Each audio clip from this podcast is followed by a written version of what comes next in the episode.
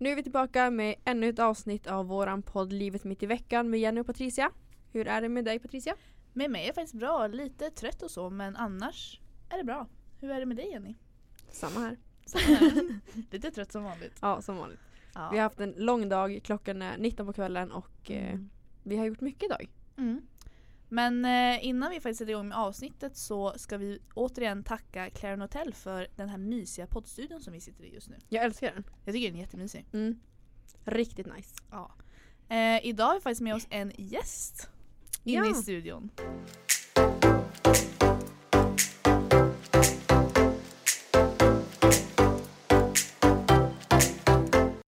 Vi har med oss Lovisa Hammar idag. Min eh, kompis från universitetet. Hej. Nyfunna kompis. Ja. Nyfunnen. Snart ett år. Ja det är Nej. sjukt. Ja, efter Ja till sommaren. hösten då. Ja, okej. ja. Det- Ja. Det ja. är snart augusti. ja. Snart. Nej, men, Eh, Snart. Positiv. Ja. eh, och vi kommer prata, eller vi kommer ha ett ämne idag. Mm. Eh, vi kommer prata om, eh, om din tid med din sjukdom. Eh, jag vill bara säga först nu innan vi påbörjar det här att om du är en person som blir triggad eller som tycker det är jobbigt att höra om någon som pratar om sin ätstörning så vill vi att du stänger av för att vi vill inte bidra till att du känner dig liksom triggad eller hetsad på något sätt. Mm. Yes. Ska vi börja först eller ska vi säga något mer om vem Lovisa är? Nej, du kanske vill berätta själv vem det är? Eh, Mitt namn är då Lovisa. Jag är 24 år. Eh, har bott i Stockholm i snart två år. Eh, och pluggar här. Byggteknik och design tillsammans med Jenny. Eh, ja, det var lite kort om mig. Ja. ja vi kommer ju få reda på lite mer nu då. Ska man börja? Jag tänker att vi börjar kanske från allra början.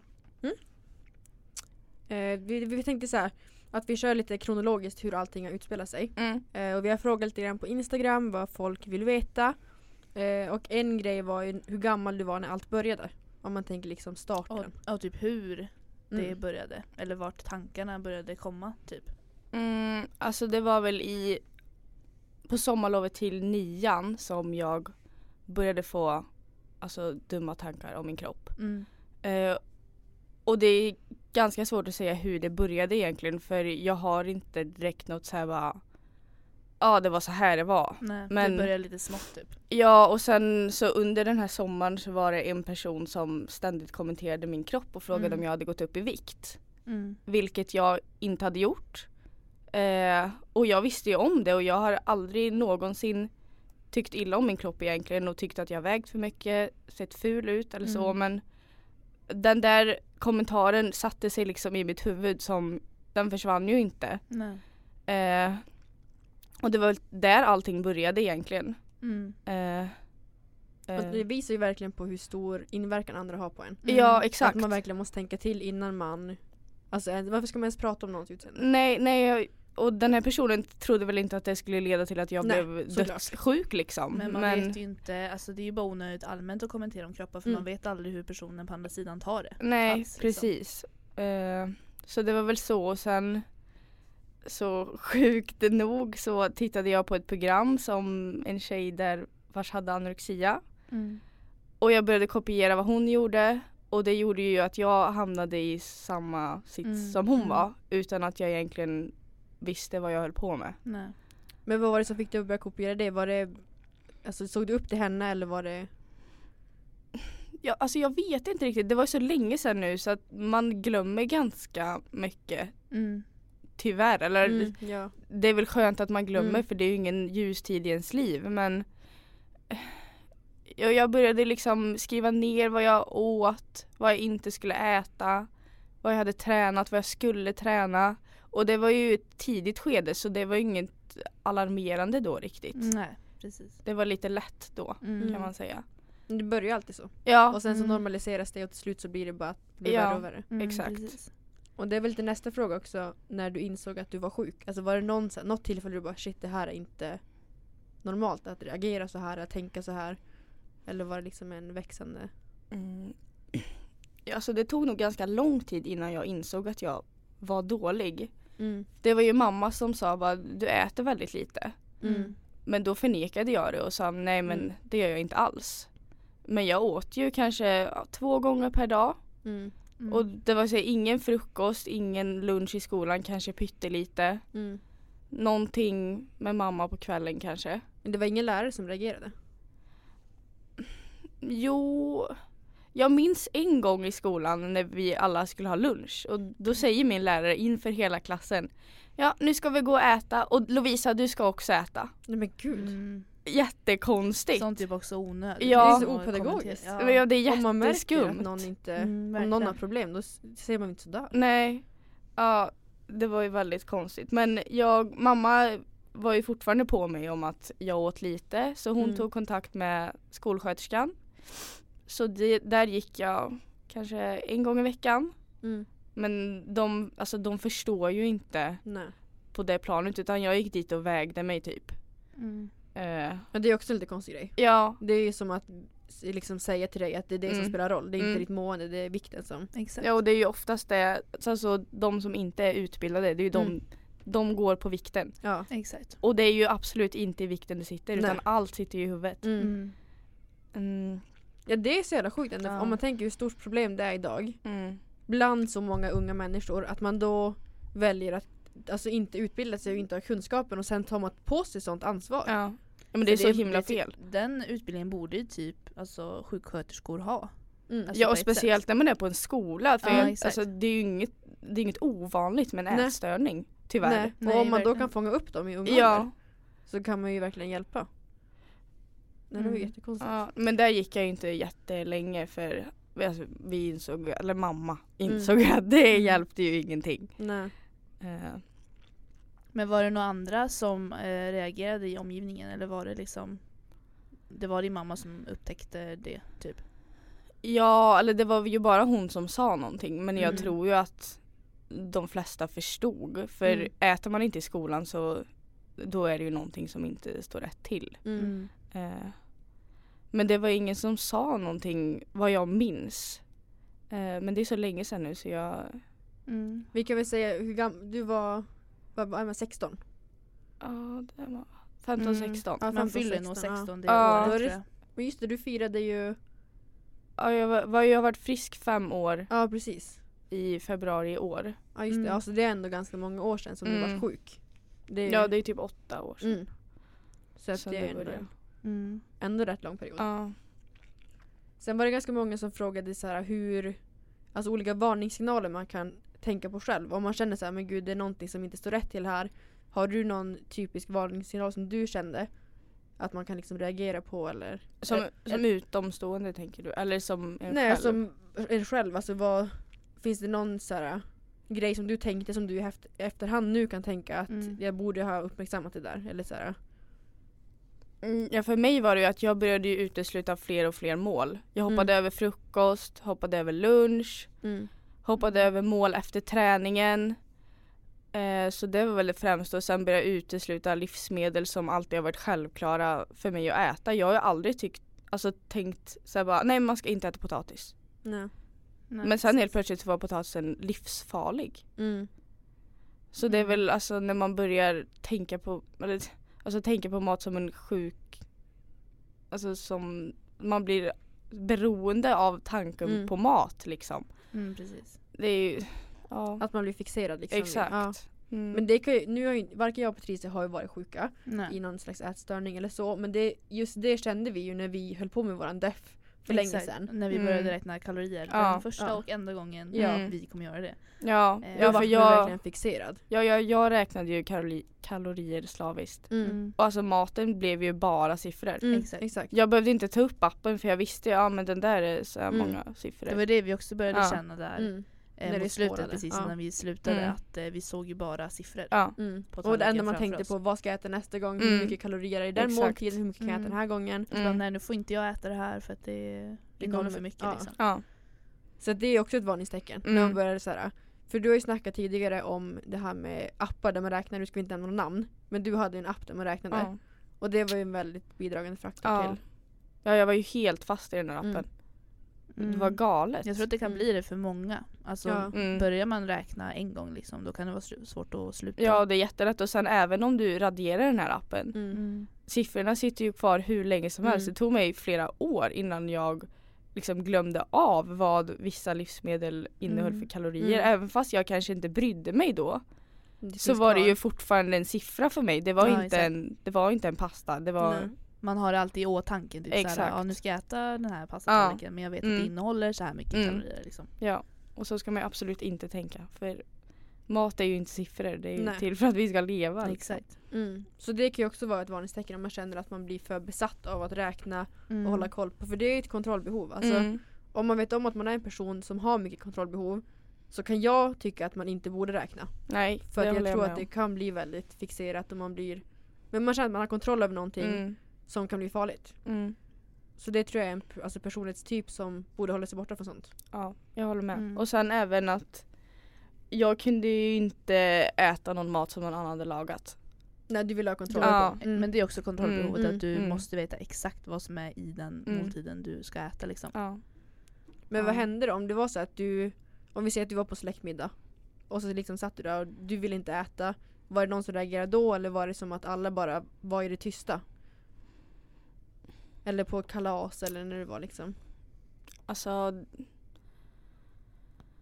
Gud jag minns typ inte men Alltså klart om man åt hos mormor och morfar och sånt så tyckte väl de att det var lite underligt att jag inte åt eller åt Mm. jättelite. Mm. Eh, men de var väl också medvetna om att jag inte mådde bra. Jag förstod. Ja. Eh, ja, gud. Jag fick, alltså jag tror inte, jag fick inte jättemycket kommentarer om att jag inte åt. Konstigt nog. Mm. Men det känns lite typiskt Sverige. Ja. Alltså att bara man, så här, man ser Mm. det men man gör Mm. ingenting åt saken. Nej. Nej. Man, kan ju fråga bara men alltså så här, för det vet jag när jag tänker efter på min barndom så tror jag att jag har haft någon eller jag tror att jag har lätt för att jag hade haft lätt för att utveckla en ätstörning. Mm. För jag har ju liksom aldrig kunnat äta bland folk för jag Nej. tycker inte att jag är värd det eller sen när jag Mm. var liten tyckte jag inte det. Och jag tyckte inte så här, jag kan inte äta så här mycket för folk kommer ifrågasätta hur mycket jag äter. Och hela den biten och jag tror ändå att hade någon Alltså min lösning var att jag fick äta typ när jag var med hos min kille. Mm. Då åt jag på hans rum. Alltså Ja. jag, jag åt inte, hos mitt ex åt jag aldrig med familjen. Nej. För jag kunde inte äta bland folk för jag skämdes typ över att jag åt. Mm. Eh, samma med Adrian, alltså vi har varit tillsammans nu i sex år. Jag tror det tog två år innan jag åt hos hans familj. Alltså såhär, Mm.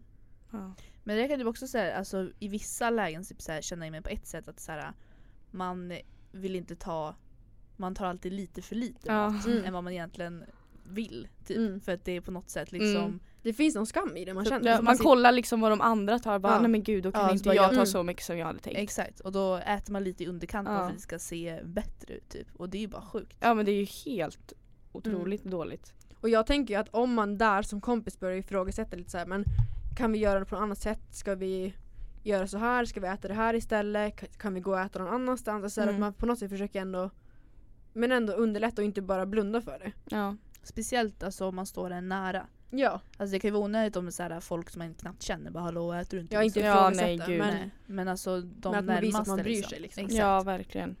för det var ju så här, vissa förstod inte det här med att jag inte kunde äta bland folk. Och de var ju bara sura på mig. Mm. De var ju bara arga, men fan du bara äta. Men de som förstod mig, de sa men gå och ät här eller kan Ja. vi kan äta på det här stället eller så kan vi äta den här tiden istället. Mm. Och då var det lättare för mig att hantera det. Ja Mot för att ifall någon bara blundar för att sitta där och få hungriga ihjäl liksom. exakt. Alltså, man kan ju ändå utan att behöva säga det, för det kan vara jobbigt också att höra. Alltså, mm. man behöver kanske inte ställa frågan, är du sjuk? Ska vi Nej, söka nej. hjälp åt dig? Alltså, den Nej. behöver man inte. Men ändå att man försöker underlätta för personen i fråga och visa att man Mm. bryr sig. Absolut. Kan jag tycka. Men eh, när var det du blev liksom sjukförklarad? Eller säger man så? Sjukförklarad. Eller när liksom Men du börjar gå på behandling? Eh, ja alltså efter sjuksköterskeperioden där som Mm. inte varade så länge. På skolan? Exakt. Eh, så eh, skrevs jag in på en eh, ätstörningsenhet Mm. eh, i en stad nära mig.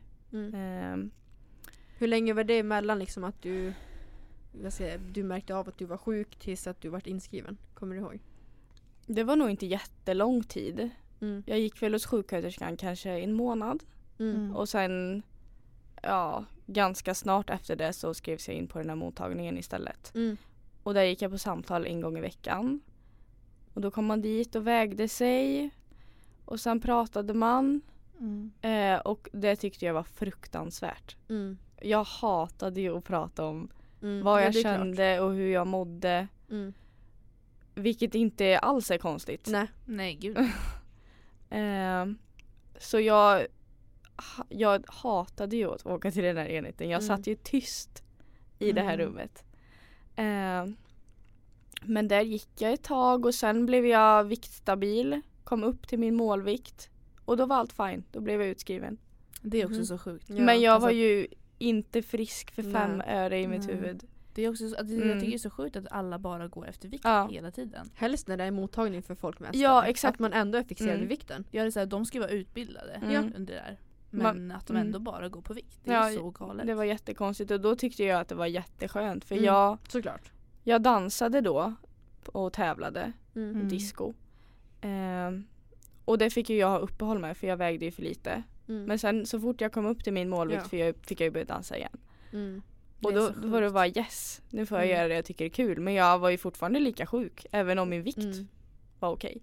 Och det sänder ju ut så fel signal att- man liksom fortfarande håller kvar vid att vikten är det viktiga. Mm. Alltså det, det är det Exakt. man ska Ja. fokusera på istället för hur man mår. Alltså, Exakt. Mm. För det är ju bara i huvudet. Alltså, Ja. så här, Mm. Ja vikten är ju liksom bara en följd av tankarna Ja. i huvudet. exakt. Ja, Det är ju exakt. liksom Ja. konsekvensen Mm. av att man har sådana tankar. Exakt. Det är så sjukt. Mm. Men sen då, då vart, du, vart det värre då igen eller? Ja, sen var jag väl bra ett tag. Eh, och sen började jag gymnasiet. Eh, och det var så här, jag åt ju fortfarande väldigt dåligt men Mm. vikten var ju ändå okej. Mm. Eh, men sen blev jag sämre, skrevs in på samma mottagning. Fick en ny samtalskontakt. Mm. Men jag var ju inte mottagaren för hjälpen. Jag satt ju Nej. bara där som ett eh, tom påse liksom. Mm. Man måste ju vilja ha hjälp. Ja, Mm. ja och det ville inte jag. Nej. Jag var inte villig att göra någonting av det de sa. Mm. De sa åt mig vad jag skulle äta men jag, jag fortsatte äta det jag Mm. Man kan ju inte bestämma tyckte det. var okej liksom. Mm. Eh, och sen i, när blir det? När jag skulle börja trean på gymnasiet. Det var ganska lång tid emellan. Ja, Då gick det Jag- nästan två år då. ja, jag minns inte riktigt hur länge jag var inskriven på mottagning men det var ändå ganska länge men jag hade inte samtal så ofta. Nej. För jag höll mig ändå stabil. Mm.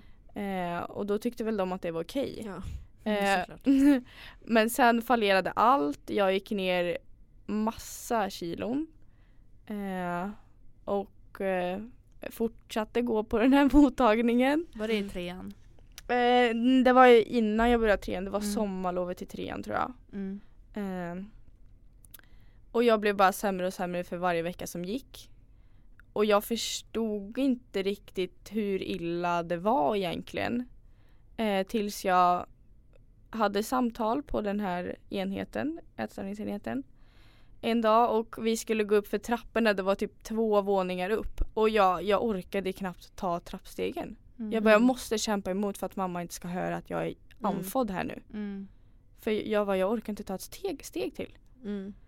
Eh, sen kom vi in, de tog eh, tempo, puls och vikt i vanlig ordning. Och allt var ju otroligt lågt. Mm. Mm. Eh, så jag får komma in till läkaren där som jag inte hade varit hos förut utan jag var hos en samtalskontakt i vanlig Mm. fall.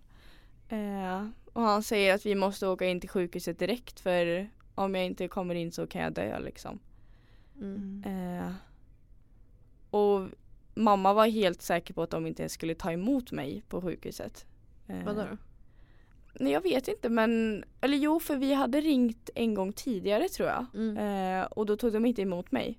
Mhm. Eh, jag vet inte varför. Det var väl inte för, jag var väl inte för illa däran antar jag. Jag vet Ja, inte. Det är så sjukt. Mm. Eh, men jag fick komma in. Och eh, de tog blodprov. Sen fick jag vänta väldigt länge i ett kallt rum. Sen kommer det in en sjuksköterska med en droppställning och jag bara jag vägrar. Du Mm. ger mig inte dropp. Nej. Mm. Aldrig. För jag såg ju bara nu kommer jag bli fet. Ja. Mm. Nu ska de göda mig här.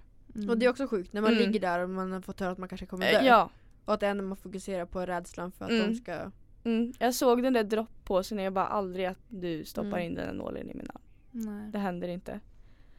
Det Så jag försökte ju streta emot men de, de vann ju. Mm. Eh, så där låg jag på sjukhuset i några dagar. Mm. Och jag ville ju verkligen inte ha dropp. Jag bara, jag lovar att äta om du Mm. bara tar ut droppet. Mm. Och jag började ju äta lite då. Mm, mamma åkte hem och lagade mat till mig och kom med till sjukhuset. Eh, men eh, alltså jag kunde ju inte ligga, jag fick ju inte ligga på sjukhuset hur länge som helst och det vill jag ju inte heller. Eh, så jag blev utskriven efter några dagar. Eh, och veckan därpå så skulle jag på bedömningssamtal på ett anorexicenter i Varberg som heter Capio. Mm. Eh, så dit åkte vi på veck- veckan därefter. Jag hade mitt samtal och vi gick runt i byggnaderna där man bodde liksom. Sen åkte vi hem. Eh, och då skulle jag ringa till dem. Jag hade två dagar på mig tror jag. Och ringa till dem och säga om jag ville ha min plats eller inte. Mm. Mm. Eh, och det vill jag ju självklart inte. Nej. Nej. Mm. För jag tyckte att mamma och pappa var hemska monster som Mm. tvingade iväg sitt barn till en, en plats där hon inte ville vara. Mm. Eh, men jag fick ju ringa det där samtalet och säga att jag kom. Mhm. Eh, för det var jag, jag själv var tvungen att säga att jag skulle ha platsen. Mm. Mm. Och jag hade nog gråtit konstant i två, tre dagar. Mm. Eh, och jag grät hela tiden. Tills jag kom till mottagningen. Mm. Och när jag, mamma och pappa lämnade mig så satt jag där i mitt ensamma rum. Mm. Eh, och jag förstod inte hur de kunde lämna mig där. Nej. Nej. Eh, Gud det måste varit jättesvårt. Mm. Och svårt för dem också. ja, för Mm, de, mm. de mamma har ju sagt det Mm, precis. i efterhand liksom att Mm. hon och pappa stod och grät på parkeringen och Mm. tyckte att det var minst lika svårt som jag Ja. tyckte. Men jag tyckte ju bara att det var synd om mig som blev Mm. lämnad själv där. Men Mm. de ville ju inte heller lämna iväg Nej. sin dotter. Men Men vad ska man göra? jag, Men ni jag hade ju tvungna. kommit till det stadiet där ingenting hjälpte. Mamma säger det. Jag, jag hade gett upp. Jag, jag, Mm. jag orkade inte ens för jag visste Mm. att det, det kommer inte gå. Mm. Du kommer inte fixa det här. Nej. Och det är så hemskt att höra allt hon har känt liksom i efterhand. Att hon kommer in till mitt rum och kollar så att jag lever Mm. På nätterna. Alltså, Mm. Det vill man ju inte att sin mamma ska behöva göra. Kolla om jag Nej. andas liksom. Nej, att hon liksom bär runt på den eh, rädslan då hela Ja. tiden. Och säger, jag vet inte om hon lever. Nej. Nej, det, jag var, jag vaknade en natt av att hon kom in i mitt rum. Mm. Jag bara, vad gör du här? Nej, jag ska bara se så att du lever. Mm. Mm. Det, Nej det är det vill man ju Mm. inte riktigt höra. Nej. Men det visar ju också på hur pass stark sjukdomen är Ja. och hur pass mycket den tar över Ja. sitt liv. Alltså det och in, ingen som inte har varit sjuk kan ju förstå det där. Nej, För att jag Nej. kan ju inte förstå det för att jag har inte varit i den här situationen. Nej, inte jag heller. inte ens jag förstod ju när jag var där. Nej. Jag förstod ju inte ens att jag var nära på att dö. Nej. Och att man liksom känner det här att de, de hatar mig, de är ett monster som vill Mm. lämna mig här. Mm. Alltså den känslan måste ju vara helt hemsk. Alltså Mm. det måste ju vara hur hemskt som helst. Ja, När man inte inser att man behöver den här hjälpen. exakt. Alltså Det blir ju väldigt farligt också när man inte kan När man är så verklighets... Alltså Mm. att man inte ser verkligheten. Man blir ju blind. Ja. Ja. Men det är ju jättesjukt att man... Men hur många år var du inlagd? Vad- Eh, månader? nej gud det var inga år. Eh, Mm. Jag blev inskriven i september.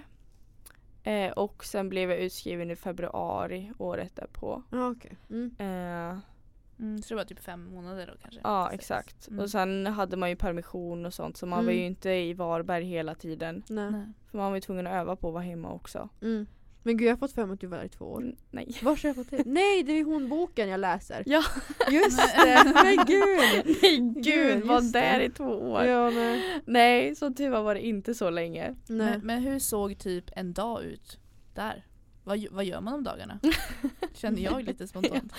Eh, alltså det anorexicentret är liksom uppdelat i tre steg kan man säga. Mm. Så när man kommer dit så får man ett rum eh, och man, det är personal om eh, dygnet runt. Eh, så då går man upp och äter frukost vid typ åtta. Sen blir man lite ledig så då kan man gå upp till sitt rum eller Äter man bland alla då eller får man inskickat på rummet? Nej, man Nej. sitter i en matsal liksom. Ah, okej. mm. Eh, Eh, sen fick man fritid liksom tills klockan 12 eller något när lunchen var. Mm. Eh, och efter det så hade man ofta yoga eller meditation eller någonting sånt. Eh, och sen det var liksom fritt mellan alla måltid, Mm. måltider. Eh, sen åt man mellis ihop vid tre. Mm. Sen var det middag vid sex. Sen kvällsmål vid åtta. Mm. Eh, så det var ju väldigt eh, monotoma dagar. Allt Mm. såg ju likadant ut. Och då var det i början när man kom så fick man maten upplagd till en. Så man behövde ju bara liksom sätta sig och äta. Ja. Mm. Eh, och sen när man hade varit på den här första, det första steget kan man säga i behandlingen. Mm. Eh, ett tag tills man började bli ganska stabil i måendet så fick man flytta till nästa steg.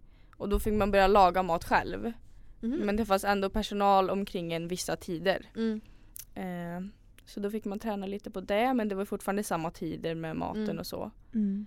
Eh, och sen när jag, man hade varit där ett tag så fick man gå till sista steget och då var man helt själv. Då gjorde man all mat själv. Personalen kom i, en gång per dag typ. Mhm, mm. Så det var som att flytta hemifrån nästan. Mm. Eh, så det var så det såg Mm. ut. Men var det, alltså, för det, känns, det är väldigt mycket fokus kring maten då antar jag? ja, Alltså det blir så här, måltiderna är centrumet på dagen. ja, men sen hade man ju även samtal med sin samtalskontakt tre Mm. gånger i veckan. Eh, och eh, sen hade vi KBT också. Mm. Och eh, så kunde man gå på massage. Nämen. Oj, oj, oj. Ja det var lyxigt. Ja. eh, så det, alltså, det var ju mycket fokus mat men det måste ju typ bli det Ja. på ett sånt ställe för man ska ju lära sig att äta på nytt. Mm. Mm. Men jag tänker, var, hur var det liksom om, om det kommer en dag och du känner bara nej jag kan inte äta idag. Och kroppen bara säger emot mig, det går inte. Vad händer då? Tvingar de i dig mat eller alltså, vad, är, vad är det som händer? Mm, ja, jag minns ju första dagen jag kom dit. Mm. Eh, då var det korvstroganoff på kvällen. Jag hade inte ätit korv på jag vet inte hur Mm. många år. Mm. Jag, bara, jag vägrar, jag äter inte det här. Mm. Det finns inte. Hon bara, jo du äter det här nu. Så det, det satt ju liksom personal vid borden och såg Mm. till så att man skulle äta bara, bara ät snabbare, ät långsammare, typ sånt. Mhm. Eh, så jag satt kvar där själv första dagen. Jag skrapade hela tallriken men jag rörde inte korven. Mm. Jag satt där och Mm. grät. Men det var ändå bra för mig den dagen för det var då jag insåg att nej men så här kan jag inte leva. Nej. Jag kan ju inte sitta här och gråta. Mm.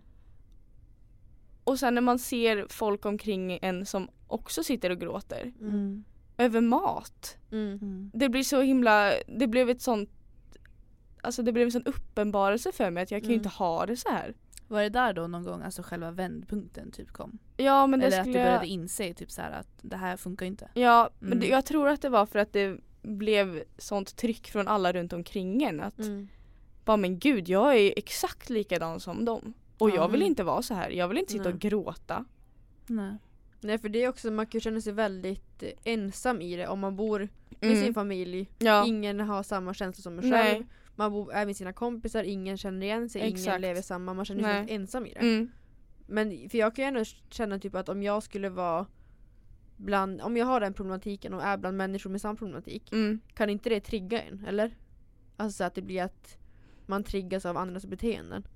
Alltså vissa tror jag har väldigt lätt för att bli triggade. Mm. Men där hade jag ju ändå varit sjuk i några år. Mm. Och visst hade de andra tjejerna också varit. Men Mm. Då blev de nästan en motivation för mig istället. Mm. Att men jag vill inte vara här i botten längre. Nej. Nu ska jag, Men det är nu, nu ska jag bli av med den här skiten. Mm.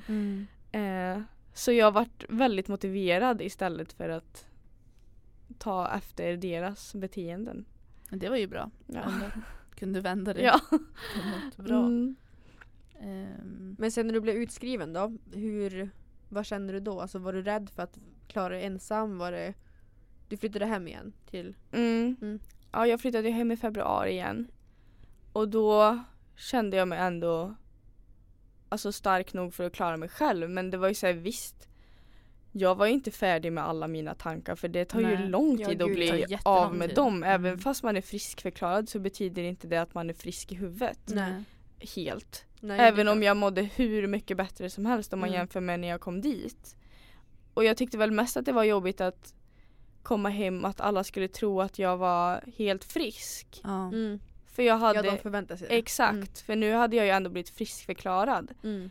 Men bara för det så har man ju fortfarande dumma tankar kvar. Och man Ja, måste jobba på dem hur länge som helst. Det har ju tagit mig flera år att Mm. komma dit där jag är idag. Mm. Och jag, alltså jag har, får ju dumma tankar nu idag också men det är ju Mm. absolut inte på den nivån som det var för åtta år sedan. Nej. Nej. Utan nu är det sådana tankar som jag kan hantera och bara ja exakt. Nej men det här är ju inte en, så här ska jag ju inte tänka. Nej. Nej, att man har tankar men det blir inte någon liksom handling av det. Exakt. Mm. Eh, ja. Men vad kände du liksom, för, men flyttade du hem till dina föräldrar då eller flyttade du? Nej då flyttade jag hem till mina föräldrar. Mm. Men Mm. vad kände de? Kände de att det var jobbigt att alltså, ta över ansvaret? Eller vart det som en För jag tänker om du kände press att andra förväntade sig att du skulle vara frisk Mm. Vart det samma för dina föräldrar då? Att det vart liksom Nej alltså jag var, var väl alltid öppen med mamma liksom för Mm. det var ju mamma och jag bodde hos främst. Eh, alltså säga hur jag kände så hon Mm. förstod ju och visst hon var ju rädd också för Ja. när jag kom hem hur allting skulle bli för Mm. hon ville ju inte se mig fallera igen. Det, det måste varit jätte, alltså såhär, Som förälder Mm. måste det vara så läskigt Ja, Alltså Mm. för det är det värsta som kan hända en Ja. alltså, Man vill ju absolut inte hamna där och sen känna att man och man blir så maktlös Ja, man som förälder. inte Man göra kan ju inte göra någonting. Nej. Nej Man står där och tittar på och försöker men Mm. allt man säger går in i ena Mm. örat och ut i det andra. Mm. Men hur, gick, hur var tiden efteråt? Var det, var det svårt eller var det ändå? Mm, alltså i början så var det ju som att sväva på ett litet moln. Då var ju Mm. allt fantastiskt. Mm. Det var som att uppleva livet på nytt. Man hade energi, man kunde äta, man fick göra vad man ville. mm. Mm. Men sen har ju jag haft eh, rejäla dippar däremellan också. Mm. Ja. Eh, Det är nog viktigt att säga också att man, inte, man har ingen spikrak kurva. Nej, nej, Det är ju inte gud. så att man kommer, ja men nu är du frisk och sen Nej. så är det bra hela livet. om det alltså. ändå vore Ja. så. Eh, nej, så jag har ju varit nästan nere på botten och vänt två gånger. Mm. Mm. Men då hade jag ju ändå gått igenom den här resan i Varberg så Mm. jag kunde ta mig ur det själv Mm. Mm. Eh, utan att söka hjälp för jag visste ju hur piss jag mådde av Mm. att ja, vara nere i botten. Mm. Och då blev jag liksom min egna motivation att jag inte vill hamna där igen. Mm. Mm. Och det är jättesvårt för vissa att ta sig upp från en dal själv och då ska man ju Ja. absolut söka hjälp Ja. igen för man ska inte känna skam över att man Nej, har Absolut inte. Nej, man halkat tillbaks. Ja, Mm. verkligen. Eh, för det är jättelätt när man har den bakgrunden att man kommer in i en dipp. Mm. Det är inte konstigt. Nej, Nej, men så är det ju typ med allt. Alltså Ja. ingenting är ju spikrakt. Nej. Nej. Så det är, det är ganska, men det är också viktigt att säga tror jag att det är väldigt individuellt. Mm. Allas, allas sjukdomar, allas resor är ju väldigt olika. Ja, gud. Och jag menar bara för att du kanske inte behöver söka hjälp igen innebär inte det att någon annan måste. Nej, gud klara sig själv. inte. Och bara för att du vart, tyckte att det var alltså, motiverande att se andra var sjuk så kan ju det vara triggande Mm. för andra. Så man Ja, gud. ändå, Precis. Mm. Tänk, alltså, som inte man, man kan aldrig sätta sitt fack och bara men gud jag kommer vara exakt som alla Nej. de här bara för att vi har samma sjukdom. Nej. Gud nej. Och jämföra sig med en- någon annan som har Nej. anorexia är ju det Precis. värsta man kan göra. Ja, Det blir ju en sån tävling. ja, ja Mm. exakt. Mm. Gud. Men eh, hur ser det ut idag? Hur är alltså själva relationen till mat och träning och sånt? Alltså jag skulle säga att eh, min relation till mat och träning är det bästa som det har varit sedan jag blev sjuk typ. Mm. Mm. Eh, nej, det, det, som jag sa förut, det tar lång tid innan man blir av med alla sina tankar. Och Ja.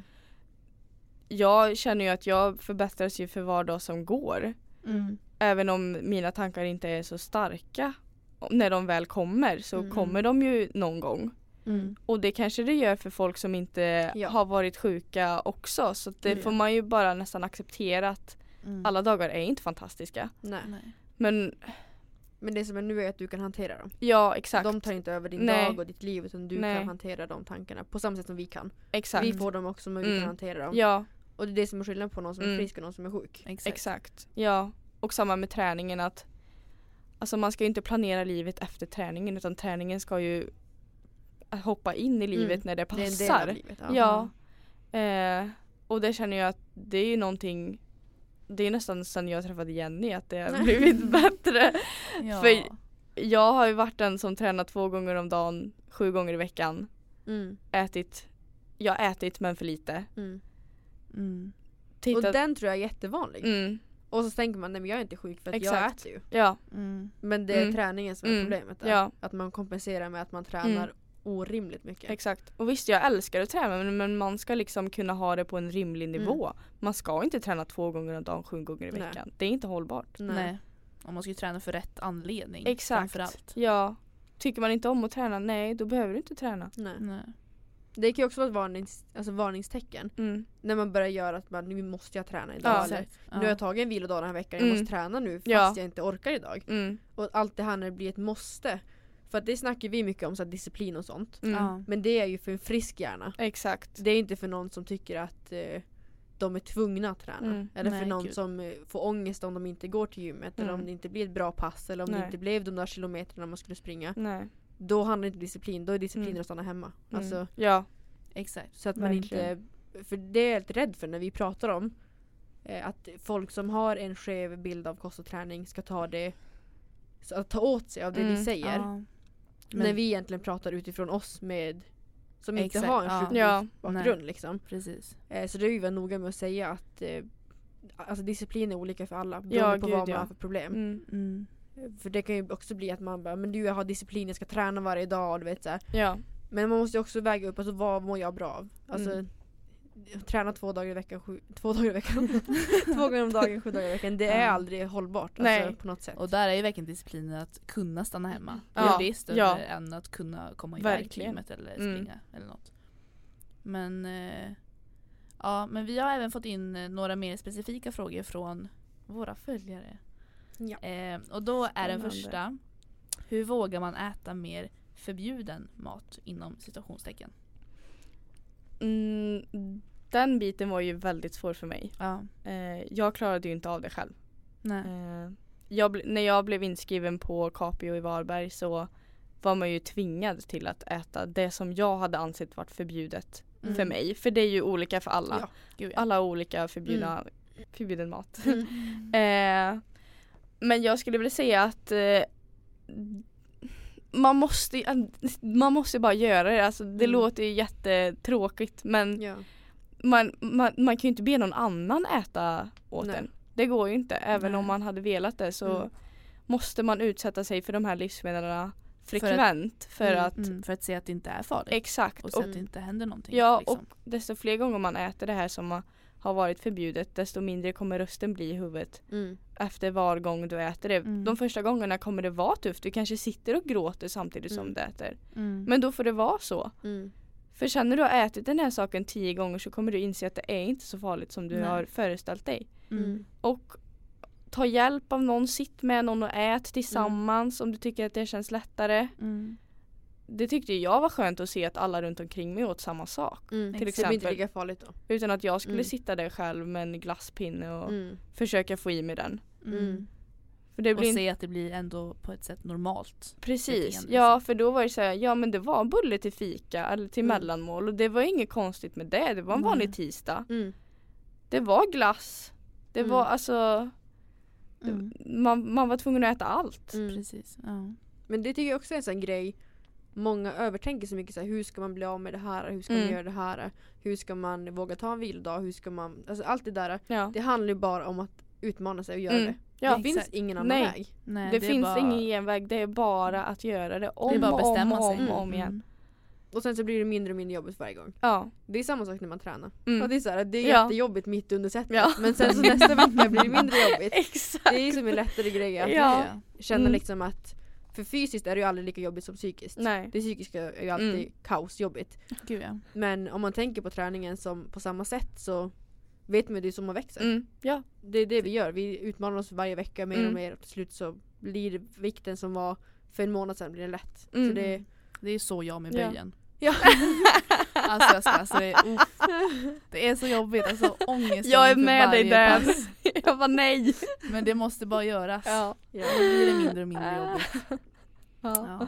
För, alltså det är jättemånga som frågar oss om väldigt mycket olika saker som är jobbigt. Det kan vara allt från så simplare saker till att Mm. våga äta mer. Eller att våga äta det här livsmedel. Men det är Mm. alltid, vi säger ju alltid samma sak. Vi säger ju alltid det är bara att göra det. Mm. Alltså, Det är så tråkigt svar igen. Ja, det det är ju bara jättehårt. Det är Mm. jättetråkigt att höra men mm. det är ju sanningen. Ja för det kan ju Mm. låta jättehårt att säga bara det är bara att göra det. Ja. Och jag förstår ju, det är inte bara att göra det Nej. egentligen. Men alltså Ja. för att ta sig vidare så är det bara att göra det. Mm, ja, Mm, det är men bara som, att bestämma sig. ja, Ja. det är bara att bestämma sig och sen hitta ett sätt där man kan genomföra det på. Mm. Exakt. Ja för man kan ju underlätta på olika sätt. Ja, Men man kommer ju aldrig ifrån att man måste göra det. exakt. Kul. Mm. Men eh, hur, de undrar även hur man hanterar en viktuppgång. Ja, och eh, jag skulle vilja säga att man, det kanske låter svårt, men att fokusera, inte fokusera på hur kroppen förändras Mm. på utsidan utan mer på insidan. Mm. Till exempel som när jag var sjuk så jag hade ingen mens till Mm. exempel. Mm. Eh, Så den var ju en, alltså det var en push för mig Mm. för att Fokusera på något annat. Exakt. Eh, och till exempel jag tappade hår. Mm. Det gör man ju när man går ner i vikt. Ja. Eh, och man blir benskör vilket Mm. jag, alltså jag hade jätteångest över de här grejerna som inte är synliga. Mm. Och för att det ska lösa sig så måste man ju gå upp i vikt. Ja. Mm. Så för mig hjälpte det att tänka på det inre istället för det yttre även om det är jättesvårt att Mm. se när sin kropp förändras så kan man ändå försöka tänka att jag gör den gott inifrån och ut. Mm. Och det är ju viktigare. Det är ju så mycket viktigare än Mm. hur den ser ut och man kommer Mm. inte bli enorm bara för att Nej. man går upp några kilon. Även om det Nej. känns så och Ja. Mm. även om det är jobbigt att känna att kläderna inte passar längre. Så man kan ju inte gå runt i barnkläder hela Nej. livet heller. Alltså Nej. bara försöka se alltså att man helar kroppen istället för Mm. att se att den blir stor. Ja det är en jättefin grej att tänka. Mm. Alltså att man tänker att man gör den gott istället för Mm. att man tänker att man förstör den. Ja, För Det det är är ju jättebra. egentligen, det är ju verkligen det är, Det är så, viktigaste. ja, det är så mycket mer värt att ha en Mm. fungerande kropp än Mm. ett benrangel. Mm. Och jag blir verkligen såhär, när jag tänker, för jag kan ju, som sagt jag kan inte sätta mig in i situationen. Men jag kan ju, jag kan ju känna igen så mycket. Mm. Alltså såhär, när jag gick upp i vikt. Mm. För att jag började äta mer och träna mer. Ja. Jag tyckte det var jättejobbigt. Mm. Och jag kan inte ens föreställa mig hur det känns då Nej. med en sjuk hjärna. Nej. Alltså och det är ju helt sinnessjukt Mm. jobbig resa. Eh, för att som sagt, man kan inte, när man inte, alltså såhär, jag kan känna igen känslan men jag kan inte känna igen hur mycket den tar över ens liv. Nej. Men det måste ju vara hur svårt som helst. Ja. Ja det, Mm. det är jättetufft. Mm. Men Men det är värt det. ja, Mm. 100 procent. Mm. Gud. Eh, vi hade nästa fråga som lyder Hur hanterar man ångest efter matintag? Det kanske har lite Det kanske hänger ihop lite med den här viktuppgångsfrågan. Ja, eh, det skulle jag väl säga. Mm. Men mm, jag tyckte att det hjälpte för mig att liksom distrahera mig själv från tankarna, att hitta på andra saker. Mm. Eh, och den här, typ som när jag var i Varberg så, ja vi yogade, vi hade meditation, Mm. avslappning, vi pysslade och pusslade, alltså det låter Mm. kanske löjligt men det, Nej, men det det hjälpte Mm. liksom för Mm. mig att göra andra saker istället för att Ja. bara sätta mig själv med mina tankar för det Mm. kommer ju inte göra mig bättre. Nej. Nej, fokusera på något annat liksom. Ja, Mm. Det är ändå bra. ring till någon, prata om du känner att du orkar det, Mm. säg vad du känner. Eller om det hjälper så, eller typ gå och sov om det, Mm. det hjälper. Ja. Mm. Man får hitta sitt sätt att Ja. hantera det på. Ja. För det är också väldigt individuellt. Alltså såhär, man, man kan ju ge tips utifrån en själv. Mm. Men det är omöjligt att säga vad som kommer fungera för en annan person. ja, det är omöjligt för mig att veta Mm. vad någon annan. Men det är det som har fungerat för dig, Mm. att hitta på saker, att göra Ja. något annat som får dig att tänka på. Ja, För det, jag tror ändå att det är väl typ det Jag tror att det är ett vanligt sätt Mm. att hantera det på. Och sen kanske att man inte hamnar i det här att man maniskt ska typ ut och springa. Nej att det exakt, för där. det är ju absolut inte det Mm. man ska göra. Nej, utan att det blir att man psykiskt ska vara Mm. någonstans. Inte Mm. att det blir att fysiskt ska fly från, Precis. från ångesten. Mm. Sen är det även en fråga hur du hade önskat att du blev bemött av människor omkring dig. För det är också så här, det är svårt för en som är frisk att veta hur man ska Mm. bemöta någon som är sjuk. Ja. Mm. Det är jättesvårt. Mm. Och jag tycker också att om jag ser någon utifrån som jag misstänker Mm. ha en osund relation till mat. Mm. Jag vet inte ens själv hur jag ska göra då. Nej. För det är ju inte, det är inga av mina närmsta vänner som har blivit sjuka. Nej. Eh, men det är svårt alltså som vän också för jag förstår att man vill finnas där men man, man ledsnar ju. Mm. Det är en jättesvår sjukdom Ja. att stötta någon i. Om För- man inte vill ha hjälp. Exakt för jag var ju inte den trevligaste människan Nej. kanske att ha att göra med heller. Jag var sur, jag var Mm. arg, jag hade ingen Mm. energi, jag orkade inte göra någonting. Mm. Mm. De fanns ju där för mig i början men alltså desto längre tiden gick desto mindre att de brydde sig ju kanske inte mindre men Nej. Nej. Men de visar inte det på samma nej Mm. och vi sågs ju inte lika ofta Mm. och det kanske man kan tycka att det hade varit fint om de fanns Mm. där lite mer men jag förstår ju dem också att Ja. man blir trött. Mm. Mm. Jag kommer ihåg för jag hade en kompis på högstadiet också som blev ätstörd. Mm. Och det var så, här, så fort man, för man ville ju vara där och hjäl- alltså Ja. försöka hjälpa och typ så här, försöka Mm. peppa henne till att faktiskt äta. Men då Mm. fick man ju bara arga Ja. kommentarer och bara typ Mm. så här, men sluta kommentera min Ja, mat. Och typ så här, sluta Mm. kommentera vad jag ska äta och Mm. inte äta. Liksom. Ja. Men man ville ju egentligen bara försöka hjälpa och försöka Mm. få människan Ja. att, Mm, man vill ju väl. Exakt. Mm. Men hon då vart ju bara arg. Ja. Och då var det så här, jag vill Mm. inte att hon ska vara arg Nej. på mig liksom. Nej och då orkar man ju inte mer. Nej och då som vart jag lite såhär, jag vet inte vad jag ska göra. Hon Nej. blir bara arg när jag försöker prata Mm. med henne. Ja. Men det, det är svårt. Ja. Den är jättesvår. Helst när man inte har Mm. kunskapen. Alltså Ja, om man gud, inte ja. förstår, man vet inte hur det fungerar för den personen. Mm. Man har ingen aning. Typ som att hon blir sur på dig för att du vill henne Exakt. väl. Mm. Då blir man ju rädd och tar avstånd istället. Ja. För att man vill inte bli ovän med personen. Mm. Nej. Men det är jättesvårt också när man vill finnas där för någon Ja. och visa att man bryr sig fast man inte kan Man vet inte hur man ska Nej. göra. Man blir ju Exakt. maktlös alltså Mm. som, Ja. som vän också. Mm. Men jag har väl ändå alltid vetat typ att mina vänner finns där om jag vill prata. Ja. Men Mm. jag var ju aldrig den som ville prata. Nej. Så det var nog svårt för dem att, att egentligen göra någonting. Mm. Eh, det är jättesvårt hur man ska Mm. tackla det som vän. Man får Mm. väl försöka att se alltså, hur den sjuka tar det. Liksom. Mm. Försöka liksom säga Mm. så här att jag är här om Mm. du vill prata. Ja. Liksom. Mm, exakt. Försöka få in det någon gång då och då bara Mm. för att människan ska förstå att man Ja. faktiskt är här om man vill. Mm. Mm, jag tänker också det, så här, även fast man Nu är det så om man har kunskap om det. Om, om vi säger typ att Patrice skulle bli sjuk nu Mm. Mm. och du hade blivit arg på mig när jag ifrågasätter eh, ditt liv som du lever nu. Mm. Då hade jag ju bara kunnat på något sätt förstå att eh, du vill kanske inte höra det för stunden men Nej. egentligen vill du veta att jag finns Mm. där. Så man Exakt. kan ju bara skicka ett sms. Jag Ja. finns här för dig när du vill prata. Ehm, vi kommer lösa det tillsammans. Det finns Mm. en utväg. Bara att den, alltså man får höra det från någon. Ja, Att man inte har gett upp det liksom. exakt. Kan ju ändå vara viktigt för att det, Mm. jag tror ju man ändå vill veta det. Alltså, ja, gud ja. att det blir... Man behöver inte sitta och pressa liksom så här, hallå Nej. du måste äta, får se Nej. vad du äter. Mm. Nej. Utan bara liksom säga jag är här. Mm. Mm. Liksom. Och sen om vi säger Patricia nu är sjuk Mm. Mm. och hon blir sur på dig Mm. så är hon ju inte sur på Nej. dig egentligen utan det är, är ju ju bara tankarna som Exakt, det är den sjuka hjärnan Mm, som Ja, spökar då liksom. så innerst inne så är ju du bara tacksam över att Jenny Ja säger till. Mm. Även om man inte visar det. Nej. Nej. Och det kan nog vara viktigt som kompis att tänka på att man För jag hade nog tagit illa upp tror jag. Mm. Alltså så här, om, om Patricia då ryter ifrån till mig och säger Mm. att, eh, Ja, att jag är dum i huvudet och inte borde bry mig. Mm. Jag hade nog tagit åt mig Mm. men innerst inne hade jag nog vetat om att hon ändå Ja. uppskattar det. Mm. Mm. Men det är ju ändå en svår grej att göra. Det är jättesvårt. Tänker jag. Men om man vet om det Mm. så kan det vara lättare att göra det. Ja, Tänker jag. verkligen. Mm. Eh, har du, vi har två stycken avslutande frågor. Mm. Eh, och då är den första eh, tips till de som är på väg in i själva erkännandet. De som vet om lite så här att man har lite osunda tankar men man kanske inte riktigt har kommit så långt än. Nej. Eh, jag skulle väl säga att man ska söka hjälp så snart som möjligt. Mm. För desto längre tid det går desto värre kommer tankarna att bli. Även Mm. om man inte Mm. tror det till en början så Nej, blir ju de här tankarna bara värre och värre och värre och Mm. värre hela tiden. Ja. Eh, prata med någon så fort som möjligt. Det behöver inte vara någon alltså, mottagning som jag var hos liksom, utan Nej.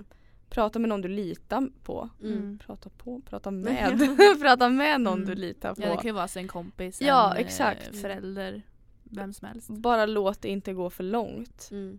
För jag, hade, jag blev väl uppfångad ganska tidigt men jag var ju inte riktigt medveten om att jag var dålig. Nej. Så jag blev ju bara värre och värre och värre. Mm.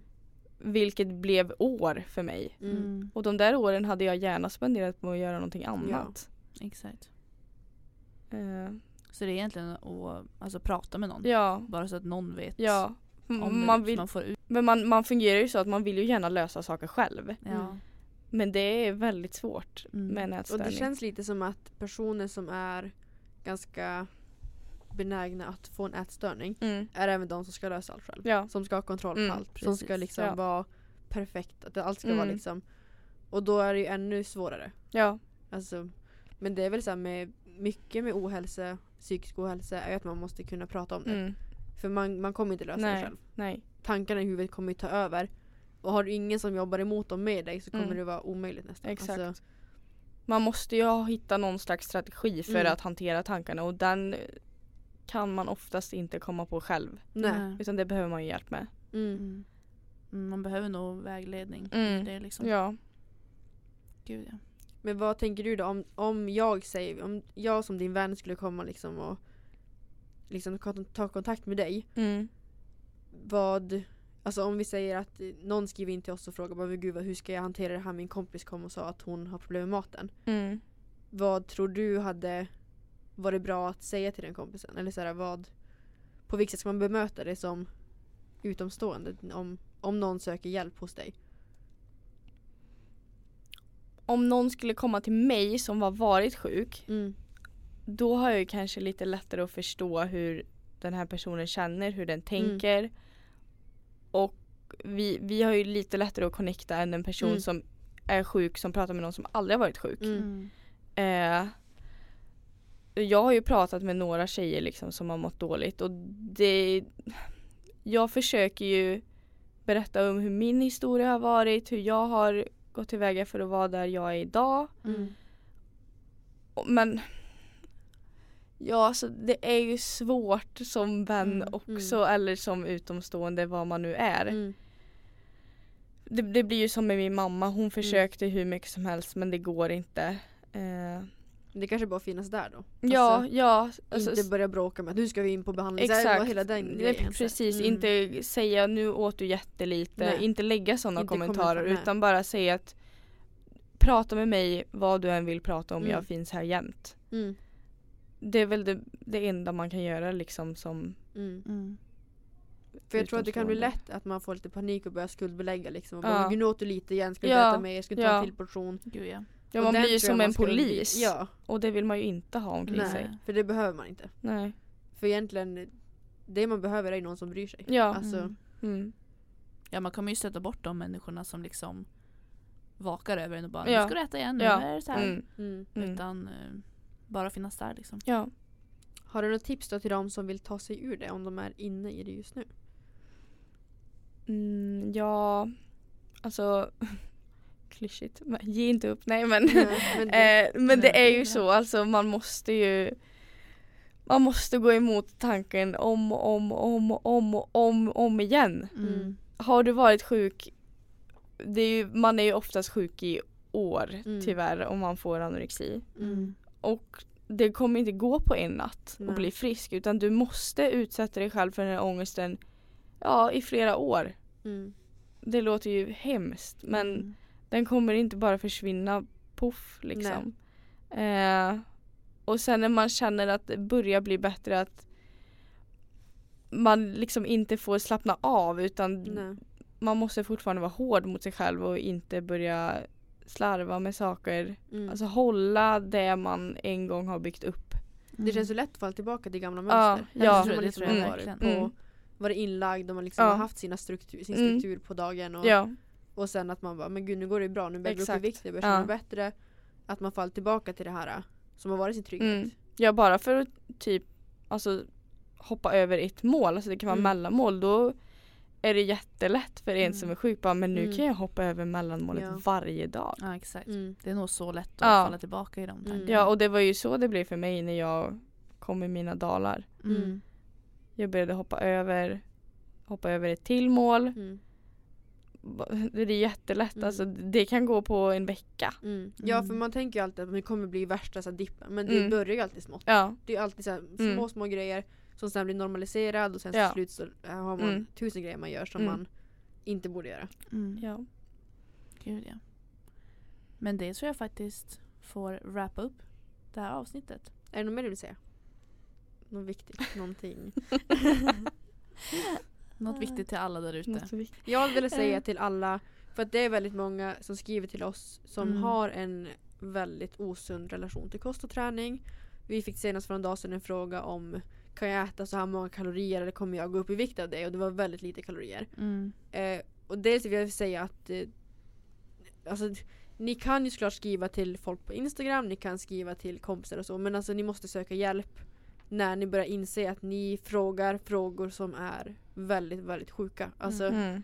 att man hör av sig till oss som Alltså vi, vi har ju ingen, vi har ingen läkarutbildning, vi är ingen sjuksköterska, vi är ingenting. Alltså såhär, Vi har ingen kunskap. nej, Alls som kan, som kan liksom hjälpa er utan ni behöver hjälp utifrån. Mm. Och det, alltså ni får jättegärna skriva till oss men vi kommer alltid hänvisa er till att skriva till någon eller höra av er till någon som kan hjälpa er på riktigt att ta er ur innan det blir för sent. Mm. Mm. Ja, man ska aldrig vara rädd för att söka professionell hjälp. Nej. Alltså verkligen inte. Och då kommer jag även tillägga att det finns professionell hjälp som inte är 100%. Det kommer alltid finnas. Ja. Alltså det finns de som kanske inte tar dig på allvar och säger Mm. att du inte är nog sjuk eller som liksom Mm. Men det får fortsätta kämpa. Alltså det, Ja. Fortsätt sök hos Ja. en annan. Fortsätt sök hjälp till du får den hjälpen du Ja. behöver. det är Mm. jättehemskt att det är så idag. Att, Mm. man, att man kan få liksom, du är inte nog Mm. sjuk så du kommer inte få hjälp. Men eh, och det måste vara jättejobbigt att få den käftsmällen när man Ja. väl har tagit sig emot Ja, att söka gud. hjälp. Mm. Men det är viktigt där att bara försöka Att fortsätta våga Ja. söka Mm. dem. Och inte... inte ge upp. Exakt. Nej. Har man bara viljan så klarar man allt. Mm. Ja. Mm. Och alla, alltså det, man är aldrig ensam i det. Exakt. För det kan man nog känna sig väldigt ensam i sina Mm. tankar men oftast så är det väldigt, väldigt, väldigt många som sitter med exakt samma tanke. Mm. Gud ja. Men det kanske är allt för den här veckan. Jag tror det. Tack så jättemycket ja, Lovisa. verkligen. Jag tror att det uppskattas sjukt mycket för det, Det är som sagt också. jättevanligt problem. Mm. Ja. Som vi ju verkligen ser varenda dag. Mm. Och det är så himla sorgligt att se men jag tror att det kan hjälpa folk att höra din resa. Och för de som eh, utoms, utomstående som har svårt, för vi har ju svårt att sätta oss in i Ja, liksom hur mm. det är. Och jag tror Ja. det är viktigt, jag tror det är viktigt för alla att höra liksom tankarna Mm. hos en. Som inifrån. Ja, Exakt. ja. För att för, alltså, förstå lite mer. Det Mm. kommer ju aldrig gå att förstå Nej. helt. Men att förstå lite grann i alla fall. Ja. Så jag tror verkligen tack. Ja. för att du ville Ja, komma. Tack för att jag fick komma. Men, eh, och då vill vi tacka alla som har lyssnat också. Ja, nu har vi kommit in i det här poddandet. Jajamän. Så nu rullar det på. Och återigen tack till Clarion Hotel på Östra Järnvägsgatan i Stockholm. För att vi får låna deras poddstudio. Helt perfekt. Helt perfekt. Eh, men då tycker jag vi säger hejdå. Vi hörs nästa vecka. Det gör vi. Hejdå! Hejdå!